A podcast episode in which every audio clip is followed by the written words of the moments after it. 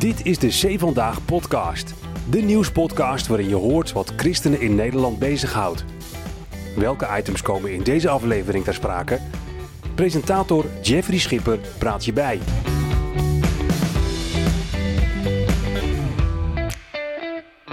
De Refozaal heeft goud in handen. Dit is een uitspraak van Andries Knevel, theoloog en journalist. Die hij deed vorig jaar bij de bijeenkomst van Dutch Bible Belt Network. En ruim een jaar na dato gaan we erover doorpraten met Andries zelf. En ook met Bartjan Spruit, kenner van diezelfde Refozaal. Heren, mooi dat jullie eh, mee willen doen. Jazeker, dat Mooi. dank voor de uitnodiging. Ik vind het fijn. Ja. Ja. Zeg, het gaat natuurlijk over de Refozaal in deze aflevering. En dan vraag ik me af, is dit eh, huis waar we zitten, is het een beetje een Revo-huis? Dat zou wel toepasselijk zijn. Bart, jij kan het beste beoordelen. Ja, er staat eh, geen kerstboom. Nee. Eh, het is, eh, laten we zeggen, sober chic. Ja. Ja, ik denk het. Ja. Eh, Veel kunst aan de muur. kunst aan de muur. Ja. Ja, ik zie geen boekenkast, maar dat is boven. boven. Ja, allemaal die hebben ze hier wel. En in de zijkamer. In Ja. de zijkamer. Ja. Ja. Ja. Voordeel van de twijfel hoor ik hier eigenlijk eh, tussen Nou, ja. ja, ik vind wat voelt je gelijk op je gemak. Ja. Nou, We zijn bij Andries thuis, voor de duidelijkheid. We zeggen niet waar, maar we hebben een beetje indruk van het huis. een oude pastorie. Kijk. Zeker. Ja, ja. Van een Revo-dominee ook. Van een, ja, dat hangt er natuurlijk vanaf wat Ja, Revo dat- is. ja. Van een gereformeerde bondsdominee. Ja, precies. Precies. Althans van de kerkvoogdij van de gereformeerde bond. Ja, en wat echt Revo is, dat komt natuurlijk in deze podcast Daarom. ter sprake. Ja. Ja, maar voordat we dat gaan bespreken, de Revo-zuil, eh, ben ik eerst even benieuwd naar eh, hoe Revo jullie zijn op een schaal van 1 tot 10. Andries, zou je eens willen beginnen? Nou, ik ben geboren en getogen in een buitengewoon liberale gemeente in het Gooi in Bussum, waar niks aan Revo was. Helemaal niks. Ik zat op een christelijk nationale school waar twee kinderen nog naar school gingen. Werd gestuurd naar een middelbare school in Hilversum. Die was ietsje christelijker dan in Bussum, het beroemde Zwijger College. Maar ook daar was er niks meer aan, aan christelijk geloof. Dus ik ben eh, qua context, qua zuil, qua bubbel, ben ik compleet seculier eh, opgegroeid.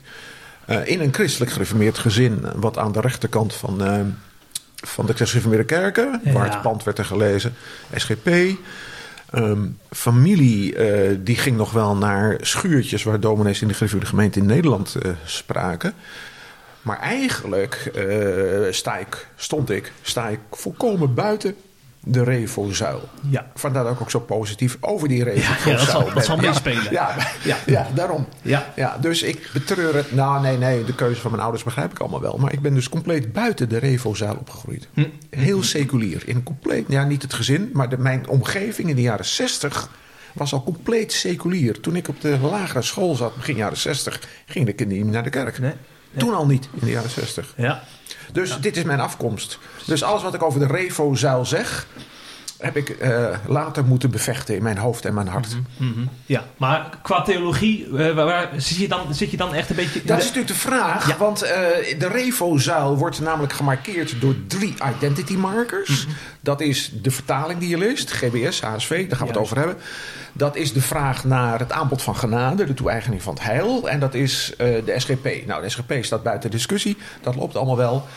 Ehm, en wanneer het gaat over het aanbod van genade, de toe-eigening van het heil, dan zit ik op de lijn van bijvoorbeeld eh, Van de Brink, van de herstelde vormde. Ja, en de vraag is, hoort dat nou nog bij de Revo-zuil of niet? Dat, ja. dat moet Bart-Jan gaan zeggen, Ja. want die is hersteld en vormd. En de vraag is, hoort Bart-Jan nog bij de Revo-zuil? Nou, ik ben dus van dominee Van de Brink. Ja, ik snap Ja. hem. Ik snap hem. Snap ja. je? Ja, ja, ja. ja. Snap de de straat ook? Nou, als, die, kennen Van de Brink wel inmiddels hoor. Nou, van- ja, jullie wel, ja. ja, ja. op een schaal van 1 tot 10, Bart-Jan, hoe Revo ben jij zelf? Nou, eh, eh, mijn, eh, mijn verhaal is eigenlijk wel vergelijkbaar Ja. met dat van Andries. Ik ben Oké. ook niet in, ge- eh, in geboren en getogen. Mijn ouders waren hervormd. Ik ben ge- eh, gedoopt in de Wilhelminakerk in Slikkerveer. Maar eh, mijn, mijn ouders gingen niet naar de kerk. Dus ik ben een beetje randkerkelijk opgegroeid, Ja. zeg maar. Ja. Ik ben, eh, mijn, mijn, mijn moeder had er wel een enorme hang naar. Die las ons ook altijd tussen de middag voor uit de kinderbijbel van Vreugdeheel. Dat is een pittige, daar ben ik ook bij groot geworden. Ja. Eh, maar we gingen niet Ja. naar de kerk. En eh, langzaam maar zeker, op mijn zestiende uiteindelijk ben ik, eh, zeg maar, heb ik de Revo-zuil, zoals het dan nu heet. Dat heette toen nog netjes de gereformeerde gezinten. Toen. Ja. Ben ik daar heb ik die leren kennen en ben ik daarin opgenomen.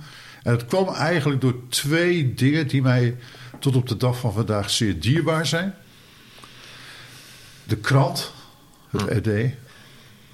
Voor mij veel meer dan een krant. Oh. En, en de middelbare school. Dus mijn moeder, eh, zei ik al, mijn vader was D66 en die kon niet geloven. Ik geloof dat hij zijn best heeft gedaan. Was architect, kunstacademie gedaan. Maar die stemde op Jan Terlouw. Mijn moeder had eh, een andere jeugd gehad. Die hing erg naar de wereld van SGP en RD. En je weet, vrouwen zijn slim. Dus die had geregeld dat ik het RD kon gaan bezorgen. Was ik 11 jaar. Kijk. We hadden een neefje die werkte op de expe- expeditie van het RD. En ik weet nog heel goed dat, wij, dat ik die krant ging bezorgen. En dat wij met kerst 1975, ik was toen een jongetje van 11, het kerstverhaal in het RD lazen. Hè, Je moet altijd in de gaten houden dat een krant een cultuurdrager is. Hè? En ik heb dat later nog eens opgevraagd. Het is eigenlijk een draak van een verhaal. Maar we waren verslagen en ontroerd door dat verhaal. En toen zijn we langzaam maar zeker weer naar de kerk gegaan. Nog een beetje halfslachtig. Maar later, zo rond mijn zestiende... eh, Dat was overigens toen jij bij mij in de, in de klas zat. Dus Ja. eh, ik wil graag ook Ja, wat... ik ben dus opgegroeid eh, in Boskoop. Dat was de, Ja, ja. de lagere school, de- dat was de hervormde school. Eh, ik zat op het Christelijk Lyceum in Al van der Rijn. Dat was ook weinig. Ja, dat was ook. Dat was net in die tijd zo'n zo'n omslagperiode. Dus we hadden. Voor godsdienst hadden we een dominee C.B. van Harten. Dat was een hele keurige man. Ehm, maar bij de tekenlessen hadden we een man met lang haar die eh, Bob Marley eh, draaide. Weet je wel, dat, dat was een beetje de sfeer. En toen zijn we verhuisd naar de kerk, waar ik geboren ben. Maar, maar we kwamen weer terug. Toen zat ik op eh, een school waar ik het vak godsdienst kreeg van de toen nog jonge en toen ook al nadrukkelijk ongemakkelijke Andries Knevel. die niet gewoon les gaf. Nee. In mijn herinnering, ik zie het nog voor me. Maar eh, in, in de klas stonden de, de tafeltjes in een hoefijzervorm. En er werd dus vooral gediscussieerd. En als je 15, 16 bent, 14, 15. Er één ding is dat je niet wilt, is discussiëren over je geloof. Maar hij bleef maar uitdagen. Ja, ja, ja. Dat is ja. mijn herinnering. Ja. En je werkte toen ook al een beetje voor de EO, denk ik. Ik, eh, ik, heb, eh, eh, ja, ja, de, ik heb drie jaar lesgegeven in, in Varel. Jij bent mijn beroemdste leraar, leerling achteraf. Maar de laatste twee jaar daarvan werkte ik ook al een beetje Ja, bij de EO. Ja. Ja. Dus dat is heel belangrijk geweest, het, het RD. En toen, ben ik, toen ik een jaar of 16, 17 was... eh, ja, ik, ik leefde er helemaal buiten. Hè? Ja. Eh, ik, eh, ik zat in het Nederlands elftal voor, jo- voor junioren basketbal en zo. Maar toen kreeg ik een vriend en die zat op de Guido... de Bre in Rotterdam-Zuid. En op die school ben ik toen terechtgekomen. En dat, ja, dat heeft me echt overtuigd. Eh, Overtuigd in welke zin? overtuigd. De- het was een sfeer die ik niet goed kende van huis uit. Maar de, ik heb gewoon. Ik, ik had het pas nog met mijn kinderen erover. Ik, ik ben nu 59. En dan gaat, valt de generatie boven je valt weg. En je eigen kinderen raken getrouwd. En je krijgt kleinkinderen. Je wordt opa. Eh, en je vrouw wordt oma. En eh, je komt dus veel op begrafenissen. En dan valt me vaak op dat kinderen zo weinig weten van hun ouders. Van, wat deed, eh, hè? Dus ik heb gedacht, moet ik iets opschrijven voor ze? En toen ik daarover nadacht, dacht ik, en dat meen ik heel serieus... Als, het een, als, het, als ik het een titel zou moeten geven, dit handschrift voor mijn kinderen... zou het iets zijn van dankbaarheid. Voor al die mensen die ik in mijn leven heb ontmoet. Eh, waar ik zoveel van heb geleerd. En zoveel eh, vriendschap ook van heb gekregen.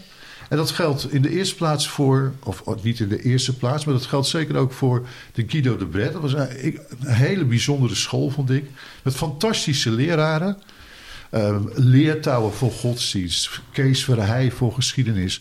Kees Niet voor Latijn en Grieks. En eh, me- mevrouw de Houting, die gaf Frans en die liet ons Pascal lezen. En dat, ja, die sfeer en die, wa- waar je mee geconfronteerd werd en wat je toen allemaal leerde, dat heeft mij echt bij die reformatorische wereld gebracht en overtuigd van... eh, ja, dit, dit is waar. Ja, ja.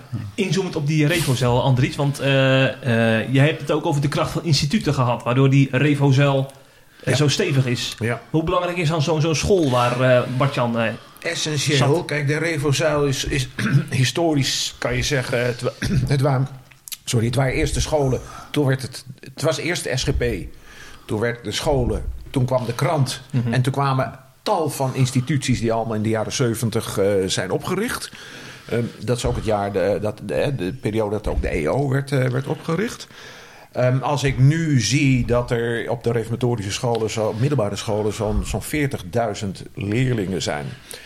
Ehm, dan zie ik een, een revozuil die, ik vitaal vind. Nou, dat heb ik vorig jaar allemaal verteld. eh, die heel vitaal is. Die, denk ik, de enige vitale christelijke identiteitsbubbel is die er in, Nederland nog is. En dat komt mede door de disciplinering die er is vanwege een aantal van die instituties, vanwege de scholen, vanwege de partij waar je bij hoort, van, vanwege een aantal maatschappelijke organisaties die er inmiddels ontstaan zijn en vanwege alles wat deze zuil tot, tot een zuil maakt. Ehm, en ik denk dat, eh, dat het merg van deze zuil zit in, in, in de scholen. Het merg zat in de SGP. En eh, die cultuurdrager, het RD, speelt een soort verbindende factor tussen al die instituties die er zijn. En die met name die jongeren tussen de 12 en 18. In de formatieve fase heb je iets van disciplinering nodig. Nou, dat heb ik verteld vorig jaar. Die dus die disciplinering vormgeven in de formatieve fase van, eh, van jongeren. Nou, Ja. zo, zo ongeveer. Ja, maar waar zit, je zegt, ze hebben goud in handen. Waar zit het dan, dan precies in? Want ook buiten de zuil heb je het evangelie wat je kunt Nou ja. eh, uitdragen en geloven en noem maar op. Zeker, ik heb zelf zelf 43 jaar bij de EO gewerkt. En ik denk niet dat de Revozuil denkt dat de EO bij de Revozuil hoort. Dus wat dat Nee. betreft, nee. Nee, hè? Nee. Lijkt me niet. Nee, nee, lijkt me ook niet. Nee, ik zie Bart-Jan ook heel, heel zorgelijk kijken. Want die Als je denkt, daar maar geen ja zegt. hij gaat, toch, hij gaat toch niet zeggen dat de EO ook Revo is? Nee, nee, nee, nee. Nee, waar het in zit is dat het feit dat, eh, dat dit een, een afgeperkt terrein is. Open natuurlijk tegenwoordig wel door alle social media. Maar dat de Revozaal in staat is om de eigen groep van... Ik zeg altijd, het zijn er zo'n 300.000, 150.000. Het hangt vanaf wie je erbij telt. Bij elkaar te houden. En dat je ziet dat alle dingen die we op dit moment zien. Denk even aan het onderzoek van de EO over secularisatie, over kerkverlating, over verdamping, over kerken die smiddags gesloten worden, over kerken die s'morgens leger worden. Dat je die, die hele zichtbare is dit, hè? Ja. Ik heb het niet over het geestelijk leven. Die hele zichtbare vorm van christelijk geloof, waarbij men het nog volhoudt, die zie je in die Revozuil. En die zie je op dit moment in een aantal groeiende evangelische gemeenten rondom Mozaïek. Maar de Mozaïek mensen zeggen zelf, ja, we moeten maar kijken hoe lang dat duurt. Het kan best zijn dat over een aantal jaar het Mozaïek model weer weg is en dat er een soort ander model moet komen. Dat is de vluchtigheid, met veel waardering voor Mozaïek. Dat is de vluchtigheid en de degelijkheid. Even los van de theologie, daar gaan we het nog over hebben. We hebben Ja. sociologisch. Zeker. De degelijkheid zit in deze Revozaal. En mijn voorspelling is, die redt het wel. Ja, ja. Ja. En is Bart-Jan het daarmee eens met deze analyse? dat diep over de vitaliteit van de gereformeerde gezinnen en de, de kans dat ze het gaan overleven allemaal. Eh, Dat, die vraag. Nou, ook, ook vooral eh, eh, zijn so- sociologische eh, karakter van de zuil die hij omschrijft. Of je dat onderschrijft. Ja, eh, alhoewel ik. Eh, kijk, jij gebruikt, eh, jij gebruikt een aantal keer het woord disciplinering. Voor- mij is het belangrijk. Het, eh, het belangrijkste aspect van, van de instituties. De krant. Ja, de krant is voor mij ook altijd een cultuurdraag geweest in die zin dat ik er ontzettend veel van heb geleerd. Zeker als je van buiten komt en nog niet zoveel weet. Er stonden altijd geweldige interviews in. Maar die krant Eh, wordt door die jongeren niet meer gelezen natuurlijk. nee, Jouw nee. le- Je geeft nog les op de Kido? Ja. Nou, jouw leerlingen die lezen de, de krant natuurlijk niet. Nee, die lezen helemaal Die lezen, die lezen niks geen, meer. geen krant. Nee, maar voor, voor ons was het heel belangrijk. De, de, Ja? de interviews, de recensies die erin stonden... eh, de discussies die erin aangezwengeld werden, dat was heel belangrijk. En, en de school natuurlijk. Dus ik zie het meer. Dat, dat, dat, het belang van die instituties was toch eh, het nadeel daarvan was natuurlijk dat ze steeds meer de geloofsoverdracht binnen het gezin zijn gaan vervangen. En dat wordt nu gecorrigeerd. Maar dat daar toch een overdracht plaatsvond. Zeker door Ja. goede journalisten, maar ook door goede leraren van ja, een, een traditie die je aan het eigen maken was. Ja. Ja. Ja. maar waar zit het goud dan nu? Want je zegt de krant lezen ze niet meer, de niet jongeren. meer. Dus wat, Nee. wat, wat, heb- wat heeft die Revo jongeren dan nu in ha- handen qua goud? Qua goud heeft, nou die Revo-jongeren heeft niet zo, zo gek veel in handen, maar de zuil heeft die Revo-jongeren in handen. Ah, Oh, ja. Ik draai hem even Ja, op, ja, jou- jouw goed. vraag. Prima. In, in inderdaad, in het feit dat ze die, de jongeren een- tot hun achttiende zo Ja. ongeveer, negentiende, zowel in de kerk en de activiteit in de kerk als in de school, nog bij, bij de zuil, en dan ga ik het ook inhoudelijk hebben, bij het geloof kunnen houden. Dus in, in die zuil is, is de fase van het, het loslaten, als dat al gebeurt, komt veel later dan, eh, dan buiten die zuil. En wat je ook ziet, dat is dat tot verbazing van veel sociologen, ook de jongeren die van tussen de 20 en 30, die misschien een beetje, beetje uit de band zijn gesprongen, toch weer terugkomen. Toch weer terugkomen. Dus die zuil is ook heel jong. Ehm, en dat komt ehm, niet alleen door eh, wat Chris Jans altijd zegt, nou, hè, door het geboorteoverschot, dat is het afnemen, maar dat komt ook omdat jongere gezinnen er gewoon bij blijven. Ik las een pas een verhaal van dominee Maarten Klaassen, die gaat naar de Hersteld Hervormde Kerk in Barneveld. Niet Ja. zo gek groot, de 1500. In Barneveld ben je dan klein. Maar niet, ja. De 1500 leden. En hij zei, de gemiddelde leeftijd van mijn hervormde, hersteld hervormde gemeente in Barneveld is 28,5 jaar. 28,5 jaar als gemiddelde leeftijd. Dat zei ik vorige week tegen iemand uit Barneveld. Ik zeg, wat er nou toch bij jullie gebeurt? Daar is een herstelde vormde kerk met een gemiddelde leeftijd van 28,5. Toen zei die mevrouw tegen mij... ja, maar bij ons in een nieuwe wijk in de Griffende gemeente... is de gemiddelde leeftijd nog lager. Zo. Dus, dus je ziet dat, dat de zuil, dus sociologisch en theologisch... want ook theologisch moeten we het daarover hebben... sociologisch in staat is om een groot deel erbij te houden. Ja, het is natuurlijk ook een enorme. Om weer Jansen te citeren. Ex-hoofdredacteur van het RD, hè, voor de mensen die niet Meneer kennen. Jansen van mij. eh, Ja. Een enorme organisatiedichtheid is. Hè, Dus Mhm. eh, er is voor alles is er een eigen club. Ja. En ja. ja, dat voelt natuurlijk. Dat zijn die instituties vaak- die, ja, in de jaren die- 70 ja. zijn opgericht. Ja. Ja. En dat voelt natuurlijk allemaal heel vertrouwd. En dat eh, hou je heel veel mensen mee binnenboord. Ja. Ja, er, er valt veel meer over te zeggen Zeker. natuurlijk. Maar, eh. Maar je kunt je afvragen in hoeverre mensen in de gereformeerde gezinten erin zijn geslaagd... om zeg maar, die theologische kern te verbinden met Ja, we kunnen nu naar de theologie gaan. politieke Ja, precies. Het kwesties. Dus- dit was vooral Ja, sociologisch. Sociologie Ja. hebben we nu al goed behandeld, denk ik. Denk Als je het nou de stap naar de theologie maakt dan, Denk het vervolgens. Ja. want daar is er nog wel wat te winnen, zeg jij, Bartjan. Nou, ik, ik bedoel vooral... Ja. eh, ik, ik denk dat jij eh, theologisch iets anders bedoelt... maar ik Ja. bedoel vooral... eh, is, eh, zijn mensen binnen de gereformeerde gezinten in staat... eh, om zeg maar dat die geloofskern Ja. eh, te, te, te verbinden, min of meer organisch, met maatschappelijke en politieke kwesties. Ik, eh, als je Jan Schippers spreekt, van de, die is hoofd van het wetenschappelijk Ja. bureau van de SGP, Ja. die zegt de SGP heeft wel beginselen, maar geen politieke filosofie. Eh, en de, en de- de- nou, nou, ze bestaan 100 jaar en ze eh, hebben nu mensen aan het werk gezet om die politieke filosofie te gaan opschrijven. En dat bedoel ik. Hè? Dus- Maar dat, dat, beboeit, dat, dat boeit de, kiezer ook helemaal niet. Het, Nee. Het SGP heeft, is voor de kiezer helemaal Ja. niet een politieke partij. Nee. De kiezer is, voor de kiezer is de SGP een van die drie identity markers. Ja. Ik wil er gewoon bij horen. Ja. En of Kees van der Staan nou moties, moties aangenomen kreeg of niet, dat boeit ze helemaal niet. Kees was natuurlijk het boegbeeld. En waar ik bij wilde horen, Ja. dus haast sociologisch, maar dat wil ik even niet sociologisch duiden. En of er een politieke filosofie bij de SGP is. Ja, wat, ik zou zeggen, wat geeft dat nou? Nou, voor, voor heel veel mensen niet, voor anderen Nee. wel. Ik ben niet met Bartje Oké, eens. Nee, maar dat, mag, niet. dat ja. mag. Ik laat even voorbeeld Als leerling was die ook al dwars. Dus, ik ken eh, heel veel... Als het zo... dwarsdenker, dwarsdenker. Ik ken heel veel mensen die komen dan van een reformatorische school. En die, zijn dan, die worden dan klaargestoomd. Op zo'n school wordt dan uitgelegd om de wereld in te gaan.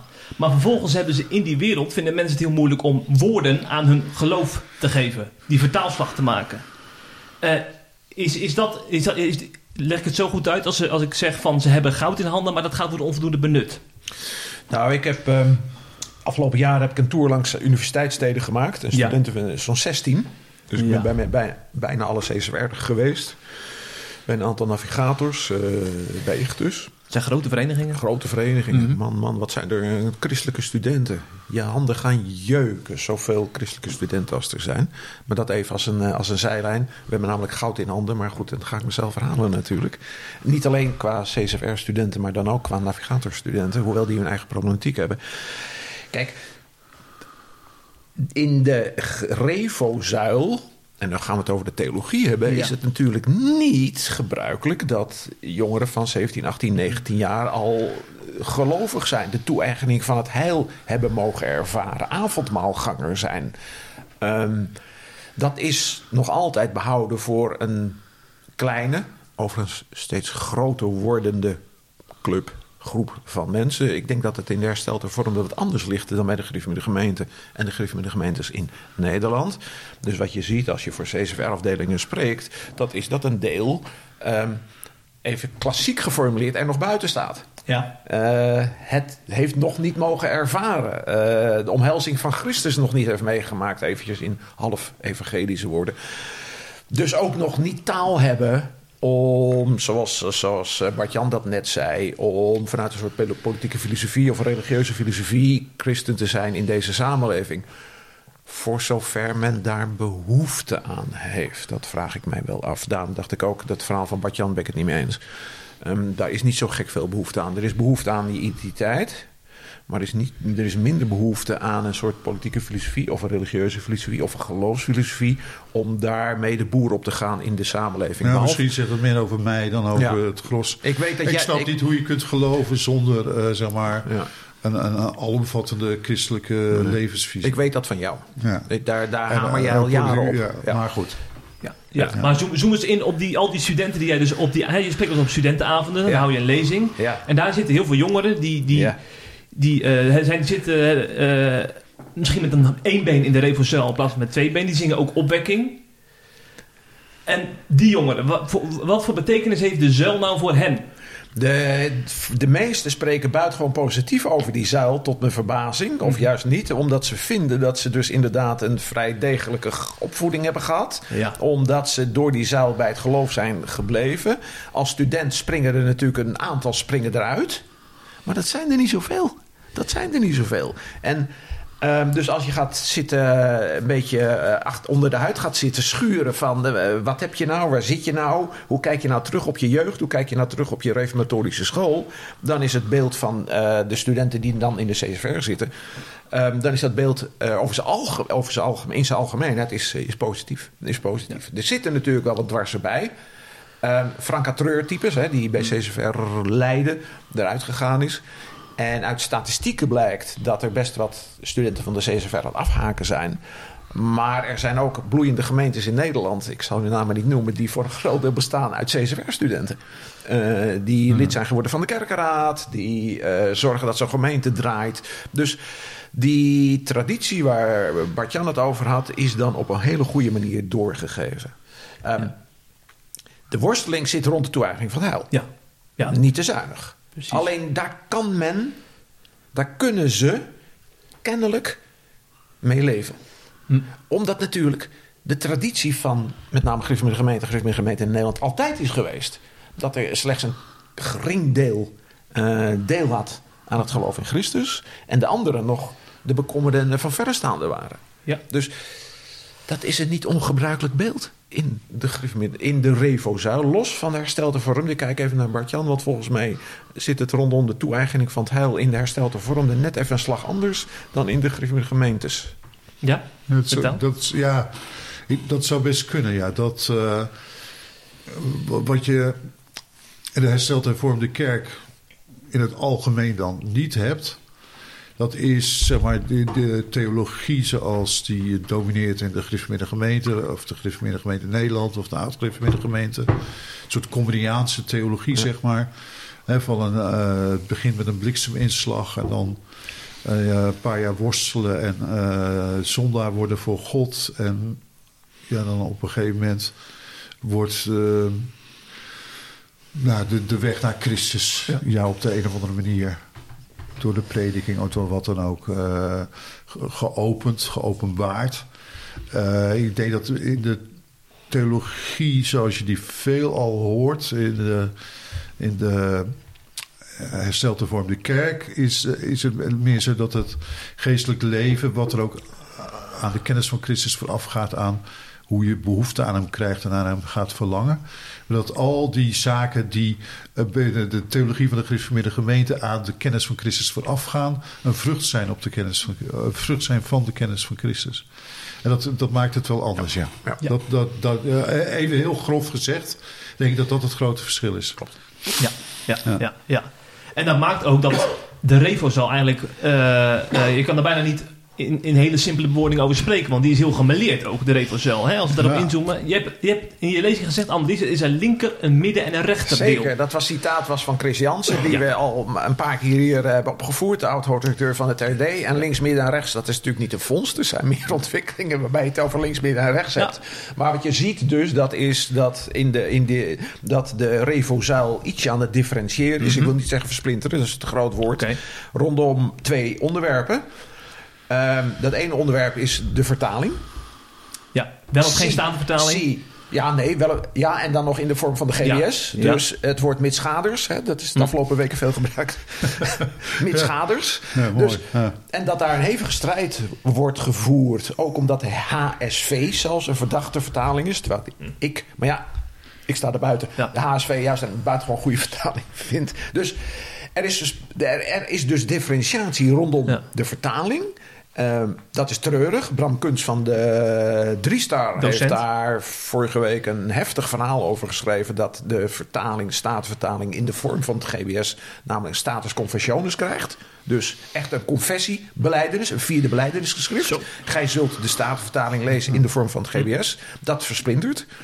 Want bij die CSR-afdelingen waar de kom lezen, wordt de NBV gelezen. Ja, en al lang niet meer de HSV. Laat staan de GBS. Zo. Dat is één. Twee. Het onderwerp natuurlijk, waar ik net even aan refereerde, dat was het onderwerp van de toe-eigening van het heil. En de vraag inderdaad of de belofte prediking iedereen geldt, of het worstelen rondom Christus geldt voor de bekering of na de bekering, of de wedergeboorte gekend wordt, de wedergeboorte in enge zin of wedergeboorte in brede zin. Nou, al dat type onderwerpen, die zijn op dit moment bezig wat zich te, la- te differentiëren.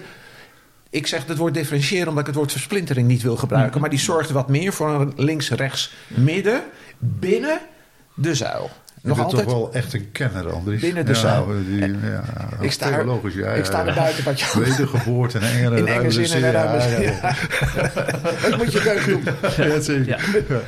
Maar als ik het goed begrijp, is het goed nieuws voor de Revo-zaal. Want dat blijkbaar de zaal overleeft de, de vertalingdiscussie en de, de toe-eigening van het hel-differentiatie. als ik het zo goed opvat. Ik vind dit een prachtig woord. De toe-eigening van het heil differentiatie. Dat vind ik een prachtig woord. Ja, van jou. Ja, die, die gaan we gebruiken. En tot op nu, tot op nu eh, overleeft de zuil dat ja. En Ja. dat heeft te maken denk ik met de wijsheid van een aantal eh, voorgangers. En ik denk dat het te maken gaat hebben met de vraag of, of mensen zich in extreme gaan uitdrukken. Rondom de GBS zijn een aantal dominees, een paar moet ik zeggen, die hebben zich in wel zeer extreme bewoordingen uitgelaten over iedereen die niet de GBS-bijbel leest. Ja, als dat type stem de overhand krijgt, dan gaat er iets niet goed. Maar ik denk dat de wijsheid toch wel. Maar ik denk dat er ook tendensen zijn die de differentiatie tegengaan. Nou, dat we, ik, mijn tweede verhaal wilde zijn de andere kant. Maar Ja. begin maar. Ja. Nou, wat, ik heb Ja. gemerkt, gewoon in mijn eigen omgeving en de verhalen die ik hoorde, is vooral de coronatijd, Mhm. toen mensen thuis zaten Ja. en dus konden doen wat ze wilden, eh, dat, dat mensen heel veel preken zijn gaan luisteren, ook van andere dominees, ook van buiten een kerkverband. Buiten de zuil of binnen. Nou, binnen, wel binnen Ja, de zaal, oké. maar wel zeg maar. Aan de eh, rand van de zuil. Ja, ge- Ja. die herstelde vormligging hebben Ja, ja, luisteren. ja. En, en, en noem maar op, allerlei varianten. ja. En, en dat, dat mensen, want mensen zijn natuurlijk toch eh, min of meer geëmancipeerd geraakt, hoger opgeleid eh, geraakt. Dat is een. eh, nou, daar zou je het ook nog eens apart over kunnen hebben, maar Ja. dat eh, nu even niet. Denk ik dat, dat mensen toch meer dan vroeger over kerkmuren heen kunnen kijken en elkaar binnen de ver- verschillende kerkverbanden herkennen. Eh, en, en, en kerken waar ze altijd voor gewaarschuwd zijn, Je moet niet naar die herstelde vorm luisteren, want die preken het, eh, een aanbod voor eh, de belofte. Richt het tot alle mensen die in de kerk zitten en zo. Eh, Je moet aanbod van genade en belofte ja. moet je wel uit elkaar houden. Ja, ja, hoor. oké, Ja, ja. Eh, dat dat door die coronatijd en door de, de perforaties, zeg maar, die daardoor zijn ontstaan, dat dat veel minder is geworden en dat er veel meer herkenning over en weer is. Dat, dat je niet meer zozeer wordt beoordeeld op het kerkverband waar je lid van bent. Ik Maar, denk dat, maar- ja. maar alles wat Andries zegt is waar. Hè, dus eh, Ja, dit hoor je graag. die tot, nu toe. Tot nu toe. Net wat, wat hij noemde over zeg maar, de, de, het gebruik van de statenvertaling, ja of Ja. nee. Ja. Nee, ik, ik heb het bij mijzelf gemerkt. Eh, Kijk, als ik 's morgens de dag begin, Mhm. gebruik ik de statenvertaling. Dus voor mij geen probleem. Eh, maar ik merkte wel dat er bijvoorbeeld het Bijbelboek Handelingen, dat zijn onbegrijpelijke Mhm. passages in. Ik weet niet hoe dat komt. Eh, en ook elders. eh, dat het ook voor mij steeds moeilijker werd om, eh, om bepaalde dingen, om gewoon snel en vlot zo'n hoofdstuk te lezen. Dat ik ook moest, een beetje moest Ja. kijken en eventjes na, dingen na moest kijken. En bi- binnen mijn gezin ben ik op een gegeven moment, dat is al langer, veel langer geleden, en toen overgaan om aan tafel eh, in ieder geval de HSV te lezen. Hè, want je wilt wel. ja, eigenlijk is heel die discussie over de Bijbelvertaling natuurlijk. heeft toch ook iets mals. Hè, het, het, is toch. ja, bepaalde. Een, oer, een soort oerconservatieve Het is aandrift. status, status confession. Ja, wat status. Kuns, eh, schreef. Maar als je gewoon er nug, eh, nuchter over nadenkt, dat, dat, dat de, de- het Nieuwe Testament, ja, als je het over het woord van God hebt, dat kunnen de meesten die de Statenvertaling zo eh, scherp verdedigen, kunnen ze niet eens lezen natuurlijk. Hè? Eh, dat is gewoon de, de Hebreeuwse tekst en de Griekse tekst. Maar het bijzondere is juist dat het, het Grieks, het Koine Grieks, Ja. dat is- het Nieuwe Testament Ja. is geschreven in Koine Grieks, dat is heel eenvoudig Grieks. Dat Ja. is heel simpel Grieks. Dat heeft niks verhevens. Daar staat het woord mitschader, staat er ook niet in het Grieks. nee. Dus dat zou juist pleiten voor een nogal eenvoudige eh, En ik heb het op school vertaling. gezien natuurlijk. Hè? De-. Als je voor de klas staat. Is altijd het onzalige plan bedacht dat de, dat de Bijbeltekst op het bord geprojecteerd moest worden. Maar dan sta je als docent dus of met je rug naar de Bijbel of met je rug naar je leerlingen. Dus ik had Bijbels gekocht. Eh, de 30 stuks om in de klas te lezen. En dan las je dat klassikaal.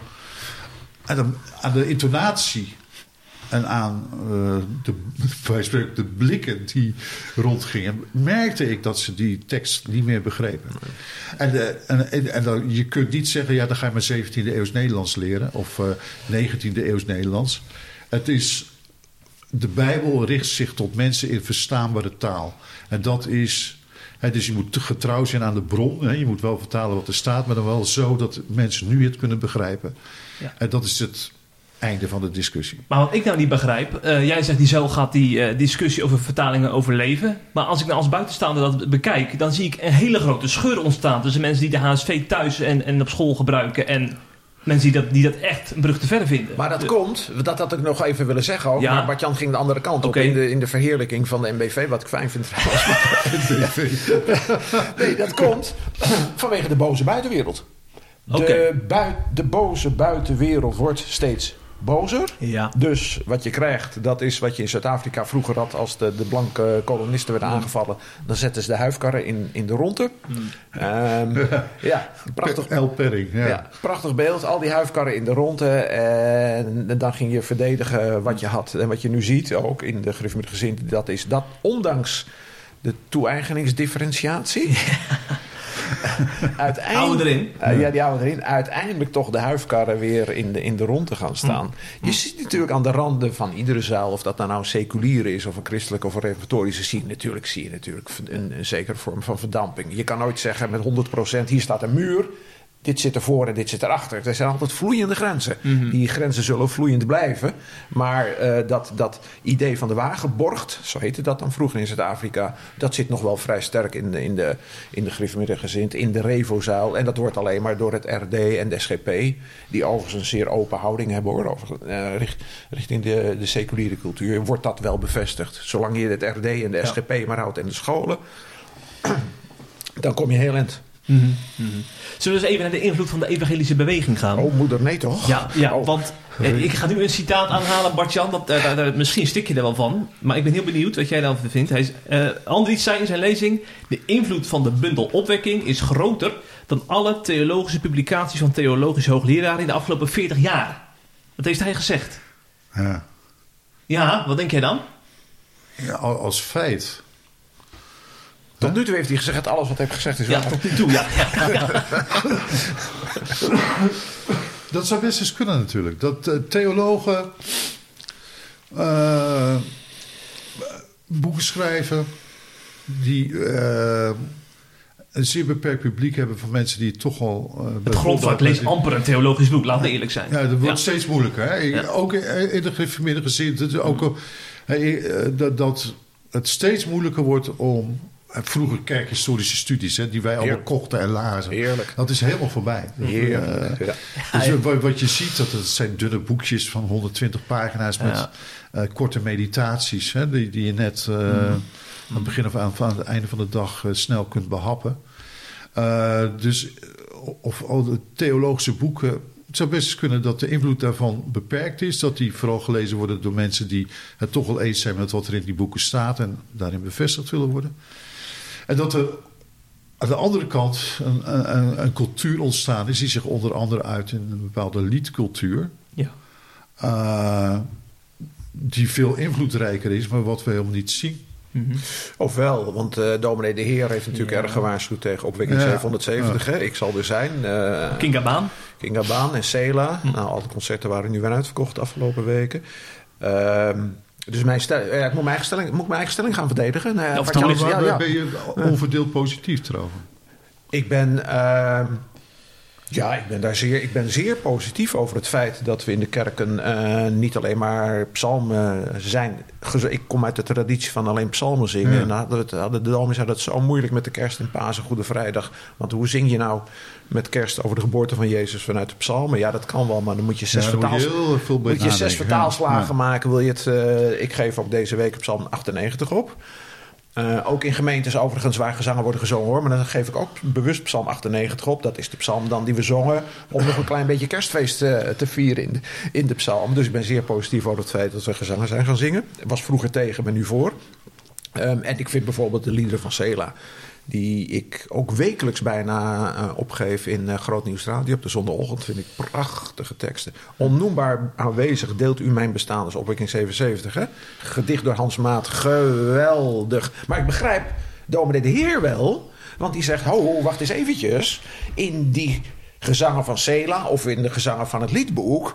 daar is het geloof haast voorondersteld. Daar, schijn- daar zitten gelovige mensen te zingen. En geloven die wel?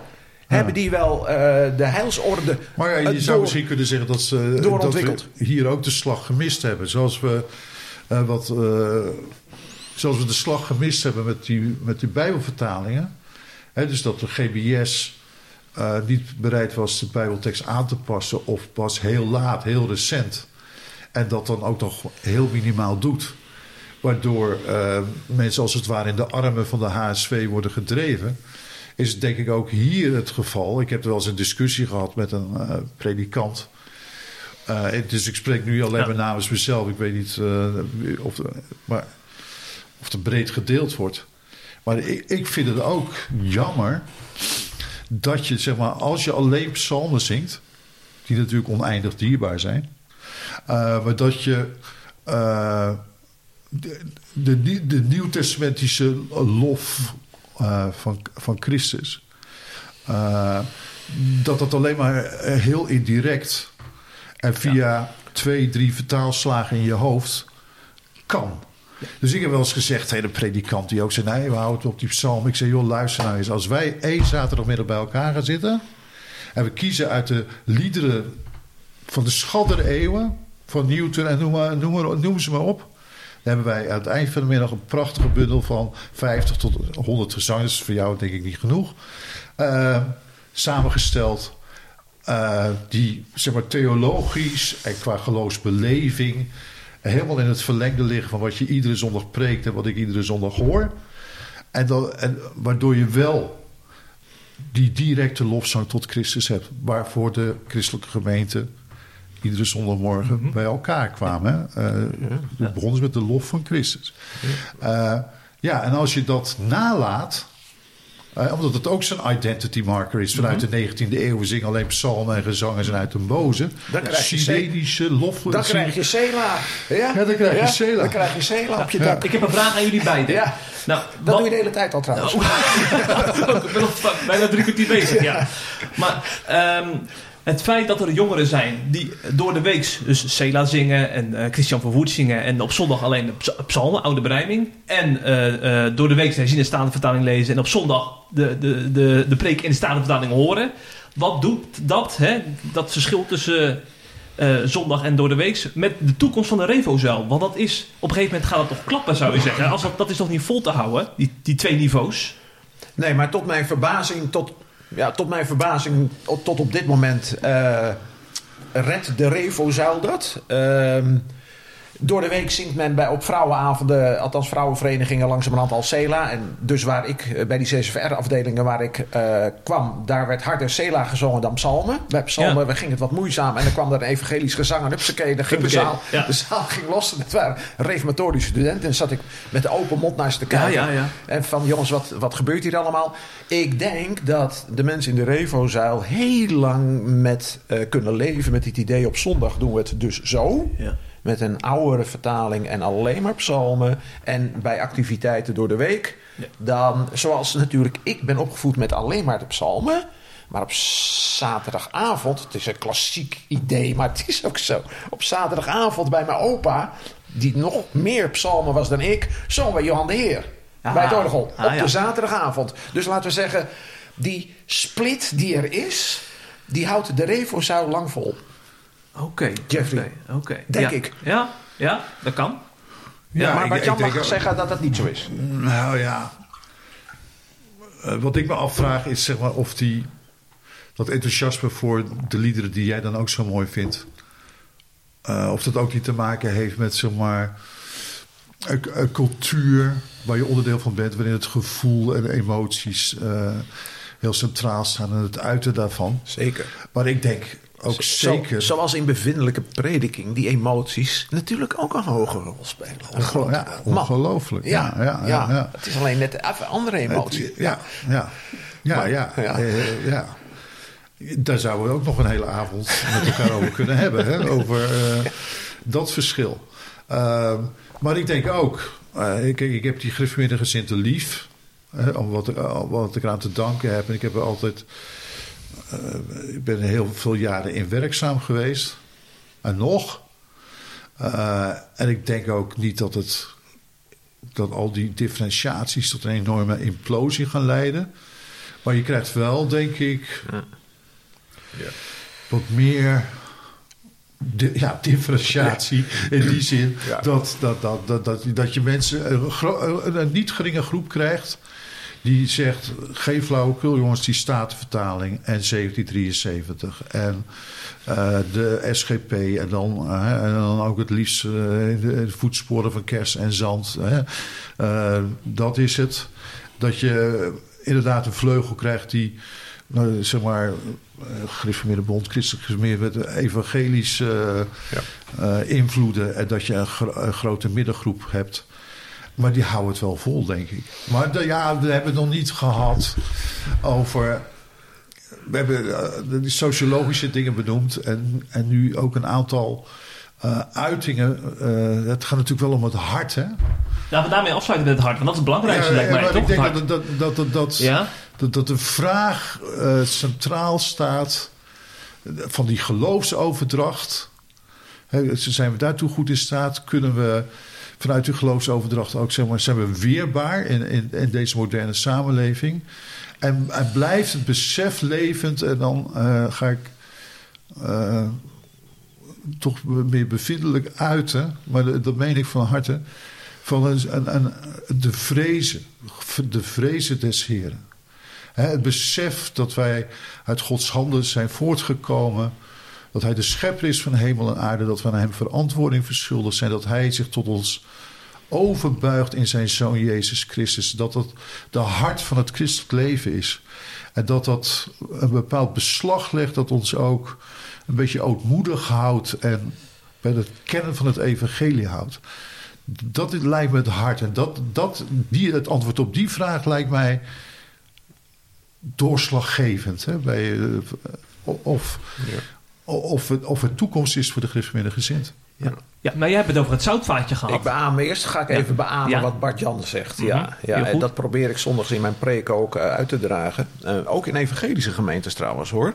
En dan pas je je qua taal een klein beetje aan natuurlijk. Maar die kern van de vrezen des Heeren en die overbuigende genade in Christus... die hoop ik, die hoop ik iedere zondag te verkondigen. Zowel in de PKN als in de evangelische gemeentes. En dan merk ik overigens dat het, het kerkvolk ongeveer wel hetzelfde zit. Die zitten met hunzelfde vragen, hunzelfde worstelingen. Dus, dus ik beaam dit. Hier Ja. zijn Bart-Jan, we zijn het trouwens de hele, hele tijd zijn we het al eens. Maar ehm, jouw vraag was? Ik zie heel vaak nog Ja. ja. de, de focus dan op de, de, de morele codes, de uiterlijkheden. En dat zout blijft dan in dat Oh ja, zoutvaatje. Ja. Dat, is me, dat, dat zit me dan wel dwars. Als ik jou hoor praten zo over de vrezen des heren. ja. Dan moeten we dat zout uit het, fout, uit het zoutvaatje zitten tappen. Nee, dat, ja, nee dat, dat, dat is ook zo. Dat Ja. is ook zo. Maar ik zie op dit moment ehm, met, met pijn in mijn hart onderzoeken waar het blijkt dat mensen die juist heel erg missionair gedreven zijn. Ja. Ehm, en ehm, zoeken naar wegen om het, het evangelie te verkondigen. Onderzoek onder, onder, ehm, onder PKN-mensen die eh, van eh zaken stoffels, wat mij zo ontzettend veel pijn deed, dat, dat die als het ware zo geconfronteerd met de vragen vanuit de moderne cultuur aan hun eigen geloof begonnen te twijfelen. Pioniers. Oh, ja. Dus Zo. pioniers die volop Ja. volop dat evangelie in de moderne cultuur wilden verkondigen op allerlei wijzen, die de terugslag kregen van er worden vanuit de moderne cultuur zoveel vragen op mij afgevuurd dat ik in mijn geloof begin te aarzelen. Of je ziet die hele grote verandering, daar moeten we het ook nog even een avond over hebben. Van Heil, het boek van Stefan Paas is een bestseller. Waarom? Omdat hij zegt: Heil is veel groter dan de reddingsboot om naar de hemel te gaan. De reddingsboot soteriologie ten opzichte van de koningsrijdtheologie. Apart onderwerp. Ehm, en daarom heb ik gezegd, en dat mag ik helemaal niet zeggen, maar zei ik vorig jaar, misschien moet het zout maar een tijdje in het zoutvaatje blijven. Om het zout zout te laten zijn. Want op het moment dat je het zout gaat uitstrooien over de moderne cultuur. dan is het zout misschien krachteloos. En juist niet als het in het zoutvaatje zit. Wat ik zeg is buitengewoon onbijbels. Maar ja, dat vliegt me af en toe wel aan. Ehm, hoe meer je naar buiten gaat missionair. Nee, dat mag ik niet zeggen. Sommige mensen die naar buiten gaan heel missionair. krijgen vragen over hun eigen geloof teruggekaatst. waar ze het ontzettend moeilijk mee hebben. Ja. Zo ongeveer. En daarom zou de regel zuinig moeten zijn op de eigen zuil en het eigen zoutvaatje. Nogal. Nogal. En je moet, het je moet er niet bij blijven. Dat weet ik allemaal wel. Maar ik vind de huidige cultuur vanuit de verleidingen, vanuit de wetenschap en vanuit de oppervlakkigheid en de apatheïsme. Ik vind de huidige cultuur vind ik hartstikke gevaarlijk voor het christelijk geloof. Ja, ondanks alle moed en geloof die we hebben over de hartsverandering van het evangelie. Ja, Nou, ja. ja. Ja, maar eh, Bonhoeffer denk ik nu aan. Die had het over de, het arcanum van het christelijk geloof. hè, Dat je eh, misschien een tijdje moet zwijgen. En eh, ja, wat, wat christen in Amerika noemen de, de optie van Benedictus. Hè? Eh, zorg dat je die traditie in eigen kring koestert en, en goed doorgeeft. Eh, laat dat in deze fase nou eens even voorop staan. Dat, dat, daar heb ik wel begrip voor, voor dat standpunt. Ja, ik ook. Maar ik, Ja. ik, ik, ik, ik, ik heb hem zelf dus inderdaad verdedigd vorig jaar. En tegelijkertijd denk ik, ja, het kan eigenlijk niet. Maar Maar ik, als ik eh, Ja. het zo goed begrijp, dit gesprek, dan zijn jullie allebei optimistisch over de Revozel in de toekomst. Als, is Maar het het is niet het onvoorwaardelijk. het woord optimistisch landt niet bij me. Nou, Ik zie- dit ja, ik zoek volgens mij. woord. Ja, Ja. oké. maar, maar als. eh, Ja, ik zie veel de- de- mogelijkheden. De, Ik zie- moderne gereformeerde zuil die is aan het het instorten zo langzamerhand. Ja. Maar deze zuil. Er zijn geen Die- zuilen meer. Is er nog maar één. Dat is deze zuil. Ja, De, ja. rest, de rest is weg. En jij hebt, jullie Ja. hebben uitgelegd waarom die, waarom die toekomst Ja, heeft. En waarom die dus inderdaad op dit moment nog een redelijke mate van vitaliteit heeft. Dan, Ja. dan Maar, nuanceer ik maar- het woord. maar- maar aan de andere kant, de mag. emancipatie die ook plaatsvindt, Eh, plaatsgevonden heeft en is- nog steeds eh, doorgaat. En, eh, en het gevaar, het verlangen om serieus genomen te willen worden door de rest van Nederland en erkenning te vinden en, en, en je daardoor aan te passen, dat is een grote bedreiging. Waardoor ik zeg, ja, ik ben misschien wel optimistisch. Ik, ik heb wel vertrouwen dat, dat, dat, dat heel veel reformatorische christenen bij die, eh, het hun toevertrouwde pand zullen eh, blijven. Maar dat, dat gaat niet van. Het is geen vanzelfsprekendheid. Je kunt niet achteroverleunen van we hebben onze scholen, we hebben onze, onze Maar boeken, je we moet hebben wel onze... dingen soms op scherp Ik zie dat ook, Ja. dat vertrouwen. Ja. Waar ik het niet Ja. mee eens, maar ik weet dat het een stokpaardje van Bart-Jan hoor. Daar gaan we het niet verder over hebben. Dat is dat, dat, dat een aantal van hen zo graag door de wereld erkend wil worden en gezien wil worden. Daar heeft hij het wel eens meer over gehad. Dat is niet zo. Nee. Misschien moeten Dat is we, helemaal, dat, dat is misschien moeten we met z'n drieën nog een keer in het nieuwe jaar nog eens een keer samenkomen voor, om dit soort thema's te we kunnen bespreken. er ook een wekelijke podcast van ja, maken. Als ik. jullie zo hoor, is Ja. genoeg stof. We hebben We genoeg reizen, stof. reizen iedere week af naar deze pastorie. Ja. Ja. eh, Ja, we lossen alles op. Ja. ja, ja. Nou, ik stel voor over deze pastorie gesproken dat we nog heel even misschien nog eh natafelen in deze pastorie. Ja. En dat we tegen de luisteraars zeggen, maak er een hele mooie, gezegende kerst van. En een heel gezegend nieuwjaar. betreft. Want dit Ja. was een van de laatste podcasts van het jaar namelijk. En niet de minste. En niet de minste. Zeker niet. Bij al je wensen sluit ik me van harte Ja. aan. Ja. Mooi. Bedankt voor jullie komst en jullie Ja. bijdragers. Andries en Bart-Jan. En Graag tot gedaan, volgend jaar. Ja. met vreugde. Jo. Hopelijk heb je genoten van deze C Vandaag podcast. Volgende week is er weer een nieuwe aflevering. En blijf via cvandaag.nl op de hoogte van het laatste nieuws uit Christelijk Nederland.